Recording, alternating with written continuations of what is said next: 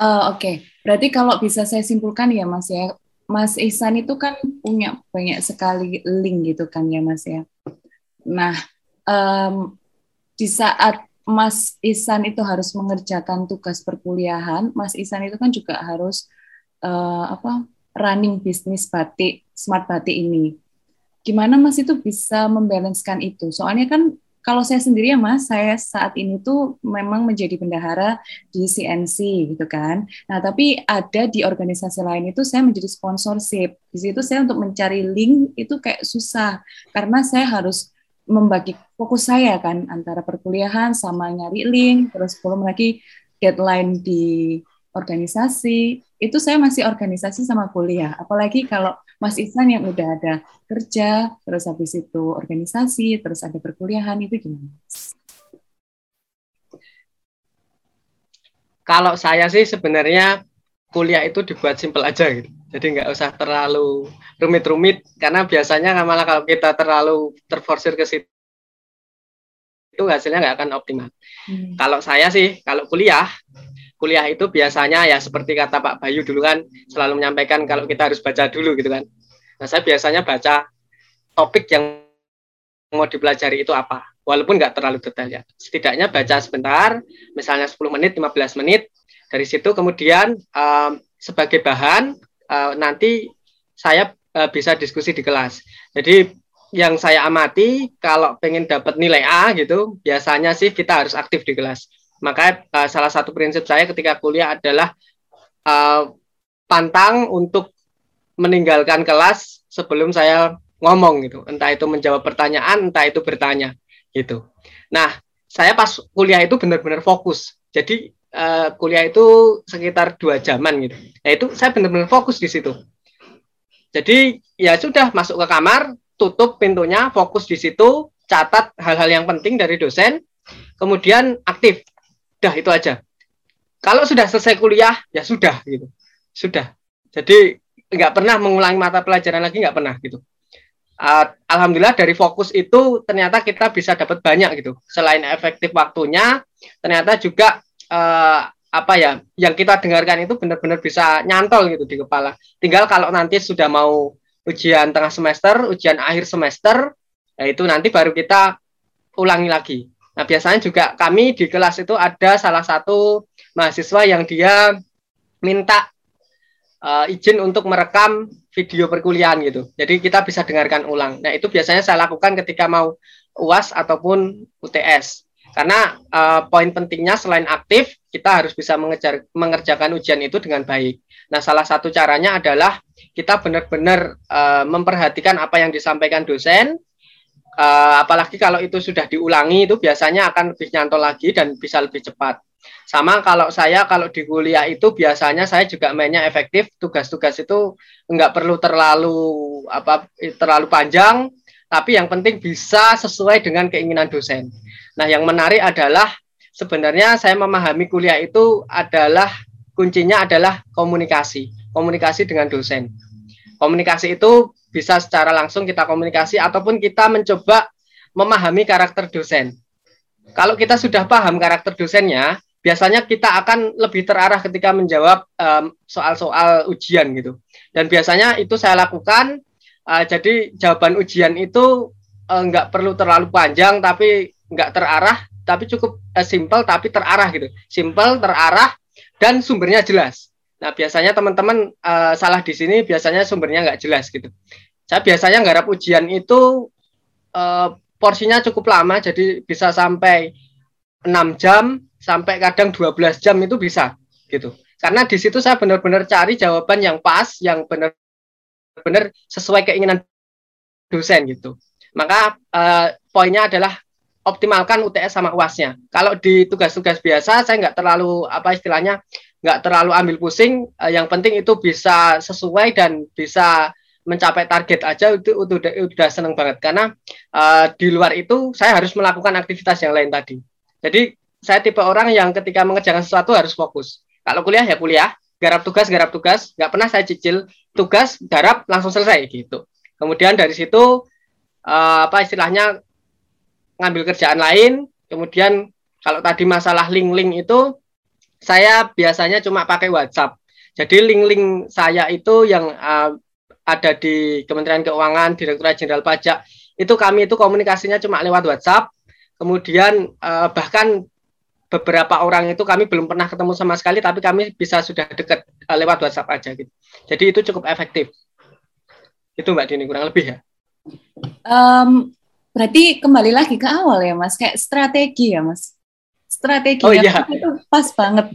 Kadang itu gini loh Mas, kayak saya ya Mas sebagai mahasiswa pada umumnya, saya itu udah men mendengarkan dosen nyatet-nyatet gitu, tapi tangan itu gatel gitu, pengen kayak megang HP Mas. Kayak kayak organisasi itu sudah menunggu balasan WA saya. Nah, supaya kita nggak ke distract itu gimana, Mas? Karena kan kadang somehow orang-orang itu kebutuhannya tuh pengen didahului kan lewat WA itu. Seperti yeah. gimana, Mas? kalau saya sih harus harus tegas ya. Jadi ketika kuliah itu ya sudah HP-nya sudah di istilahnya diletakkan aja. Kalau ada orang menghubungi kan ya paling kan toh cuma dua jam, dua jam, tiga jam lah. Yaitu nanti kita balas setelah itu ya kita sampaikan aja itu baru kuliah gitu. Bahkan uh, beberapa waktu juga dihubungi kepala dinas gitu ya ya biasa aja karena mereka sudah paham bahwa uh, saya ini masih kuliah dan uh, apa istilahnya pengen fokus kuliah dulu itu. Kemudian uh, kalau masalah organisasi ya itu nanti dikerjakan di luar kuliah. Jadi teman-teman jangan sampai apa ya? Jangan sampai terpengaruh sama HP gitu. Apalagi pas kuliah karena itu bahaya gitu teman-teman. Karena teman-teman bisa nggak fokus dan itu sayang waktunya itu jadi sayang banget gitu loh. Jadi nggak efisien waktunya. Kalau saya sih gitu sih Mbak Dini. Jadi tegas aja gitu.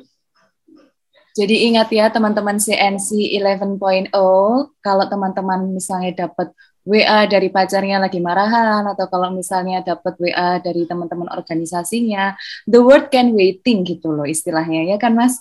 Dunia itu bisa iya. yang penting gimana cara kita itu bisa fokus ke saat ini. Apa yang kita lakukan sekarang gitu. Oke, okay jawabannya menarik sih Mas dan dan itu merubah pola pikir saya bahwasanya kadang saya tuh terbalik-balik gitu Mas karena saya tipikal orang yang kupuan Mas jadi otak saya itu kadang kebalik. Mana ya yang harus saya fokuskan? Mana ya yang harus uh, apa namanya uh, saya perhatikan duluan? Dan setelah saya mendapatkan insight dari Mas Isan ternyata bener banget ya the word can waiting gitu loh. Apa yang apa yang apa yang ada di WA kita itu. Toh kita juga mata kuliah cuma 3 SKS gitu kan Nah, eh, terkait link tadi ya Mas, Mas itu kan tadi sempat menyinggung bahwasanya saat ini yang Mas lakukan itu adalah um, beker, uh, mengurusi wirausahanya itu dan juga bekerja di pemerintahan. Nah, berarti beker, uh, saat bekerja di pemerintahan itu saat sudah masuk di S2 atau saat S2 berlangsung? Dan itu di bagian mana sih, Mas? Kalau boleh tahu. Saya mulai aktif itu bantu di pemerintah kota itu ketika masuk semester 1. Jadi pra MBA itu eh, pra MBA itu pada saat itu nggak terlalu lancar bagi saya gitu ya. Jadi karena apa ya masih awal-awal penyesuaian dari situ malah akhirnya saya berpikir ah cari kegiatan aja gitu di luar gitu. Jadi tahun 2020 saya uh, gabung uh, ke pemerintah kota. Sampai sekarang ini saya bantu di tiga dinas. Yang pertama di Bapeda Kota Yogyakarta.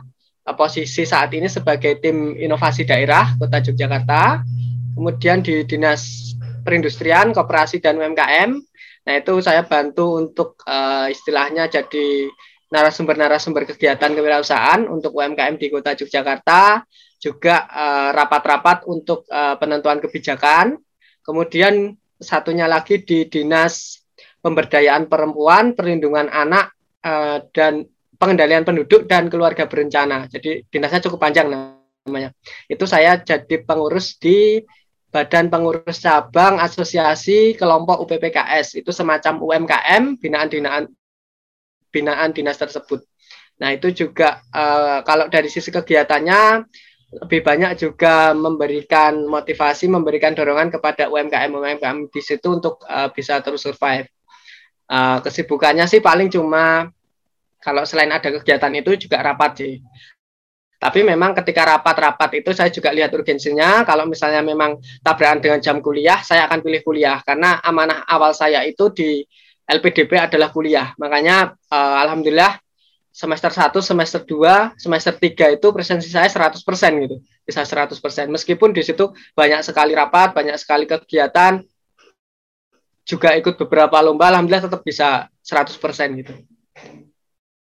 Oke, tadi kan kita sudah berbicara tentang um, apa namanya perkuliahan emas seperti itu kan. Nah saat ini saya ingin bertanya nih, ketika Mas sudah mendirikan Smart Batik, apa yang Mas rasakan sih ketika Mas manfaatnya? Apa yang Mas rasakan ketika mendirikan Smart Batik ini? Kalau uh, dari sisi saya sebenarnya dari awal kan uh, tujuan saya profit ya. Jadi saya pengen dapat uang dari Smart Batik, yaitu tujuan yang tidak bisa dipungkiri. Kemudian saya pengen bisa daftarkan haji orang tua, itu juga alhamdulillah sudah terwujud. Kemudian pengen punya kendaraan sendiri, pengen punya rumah sendiri gitu. Uh, akhirnya juga alhamdulillah bisa terwujud. Kemudian uh, ternyata dari situ saya juga apa ya istilahnya COVID ini memberikan perubahan cara pikir saya. Ternyata uh, keberadaan kita itu nggak sekedar seperti itu. Keberadaan seorang wirausaha itu nggak sekedar untuk cari profit, tapi ternyata kita itu benar-benar dibutuhkan di masyarakat. Jadi satu hal yang sangat uh, menyentuh hati saya ketika di masa COVID, industri batik ini turun luar biasa, antara 50 sampai 100 persen produksi-produksi UMKM batik di kota Yogyakarta itu turun. Saya kemarin sempat survei untuk tugas kuliah juga.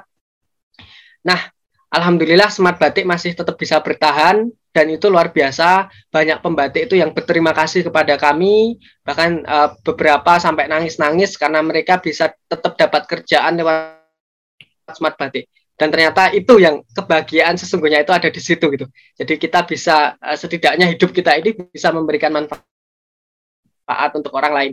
Kemudian dari situ juga akhirnya saya uh, sekarang cara pandangnya adalah bagaimana smart batik ini bisa terus uh, memberikan pekerjaan untuk uh, para pembatik-pembatik mitra kami gitu. Jadi kebahagiaannya ada di situ Mbak Dini. Jadi kita bisa memberikan manfaat untuk orang lain. Kalau saya simpulkan lagi nih Mas ya, kalau saya baca-baca dari pengalamannya Mas Isan, itu ternyata kalau ditarik garis merahnya itu juga ada keuntungannya gitu. Mas Ihsan itu bekerja di pemerintahan karena mungkin bisa juga uh, mempromosikan batik-batiknya seperti itu kan ya Mas ya. Dan um, istilahnya tuh kayak linknya itu juga udah dapat seperti itu. Dan itu lebih mudah. Jadi lagi-lagi kembali lagi kepada kalimat awal peluang. Mas Ihsan ini sangat pintar sekali untuk mencari peluang teman-teman. Jadi teman-teman podcast CNC 11.0 ketika teman-teman mungkin saat ini sedang bingung atau apa, terus kemudian ditawarin sesuatu di depan mata teman-teman, tolong diambil aja. Kemungkinan saja itu di masa depan uh, kalau ditarik benang merahnya itu nyambung gitu loh. Apa yang apa yang udah teman-teman usahakan. Seperti itu kan ya Mas Isan? Ya, jadi tidak ada hal baik yang kita lakukan itu yang sia-sia gitu. Pasti semuanya akan berbalas. Entah besok, besoknya, atau nanti pasti ada. Untuk motif batiknya ini sendiri, kalau saya lihat di website smartbatikindonesia.com, teman-teman podcast CNC 11.0 juga bisa ngecek. Ini ada batik pendidikan, batik teknologi, sejarah, dan juga musik. Nah, kalau dibanding dibanding sama batik-batik tradisional lainnya, ini kan batiknya unik-unik ya Mas, karena kan modern ya. Apa sih yang bikin Mas kok punya uh, inovasi untuk membuat batik yang lebih berarti target pasarnya ini anak muda ya Mas ya karena kan kayaknya gambar-gambarnya ini lucu-lucu. Untuk selama ini sebenarnya target pasarnya uh, yang pertama instansi pemerintah hmm. untuk seragam karena kami bisa custom, yang kedua untuk guru. Jadi kenapa di situ banyak batik-batik tema seperti tadi pendidikan itu untuk guru. Kemudian ada motif sejarah itu juga untuk guru sejarah. Kemudian kalau ada motifnya kimia untuk guru kimia dan seterusnya gitu. Jadi uh, target utama kami sebenarnya untuk uh, guru, untuk ASN. Tetapi memang uh, untuk perkembangan selanjutnya kami akan coba buat produk fashionnya karena selama ini masih dalam bentuk kain kami coba buat bentuk fashionnya, kemudian kami coba pasarkan ke anak muda. Jadi selama ini masih di instansi sama guru, tapi ke depan akan ke anak muda, insya Allah. Jadi dalam bentuk baju jadi gitu. Hmm. Kan kan tidak kan kita tadi itu sudah membicarakan terkait bagaimana sih Mas Isan bisa meluangkan waktunya dan bisa membagi fokusnya terhadap uh, tiga kegiatannya yaitu organisasi, kuliah dan juga bekerja. Nah, sekarang kita lebih masuk kepada uh, apa personal Mas Isan sendiri. Kalau dari Mas Isan sendiri itu hobinya apa sih Mas? Dan apakah ada sambung menyambungnya dengan kegiatan yang selama ini Mas Isan lakukan? Kalau saya hobi hobinya itu bulu tangkis. Kalau uh, hubungannya dengan kegiatan yang selama ini saya lakukan ada, karena kegiatan yang selama ini saya lakukan itu sifatnya bukan olahraga ya. Jadi itu lebih banyak menekan pikiran gitu kan. Jadi bulu tangkis ini menjadi salah satu yang bisa membuat uh, membuat saya bisa lebih refresh lagi gitu. Jadi saya ikut uh, klub uh, badmintonnya anak-anak MM gitu.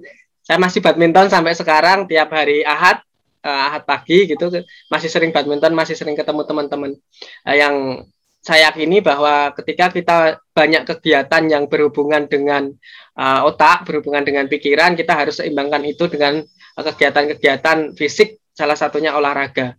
Karena itu nanti yang bisa membuat uh, tubuh kita itu tetap seimbang, tetap bisa sehat gitu. Jadi salah ketika teman-teman berpikir bahwa teman-teman sudah capek nih, capek untuk kuliah, capek untuk organisasi, kemudian teman-teman nggak olahraga justru malah dengan olahraga itu teman-teman bisa menjadi lebih sehat. Gitu, Mbak. Saya setuju banget karena saya juga olahraga holik, Mas. Tapi kebetulan Oke. saya olahraganya itu lebih ke gym karena dulu target saya itu untuk diet, Mas, bukan untuk sehat. Tapi saat ini saya lebih ke untuk hiburan karena jujur kuliah di MMUGM itu kita harus punya hiburan ya, teman-teman ya. Kalau nggak gitu kita bisa stres nanti. Nah, inilah inilah salah satu kunci juga yang bikin akhirnya Mas Isan kayaknya dapat kumlaut ya. Berapa sih Mas IPK? ah, um, ya alhamdulillah kemarin bisa kumlaut. Uh, nilai A minus saya ada dua gitu. Financial management dan marketing management gitu. Itu yang saya ingat gitu. Kemudian uh, sebenarnya juga ini sih uh, yaitu perbaikan dari pra MBA saya.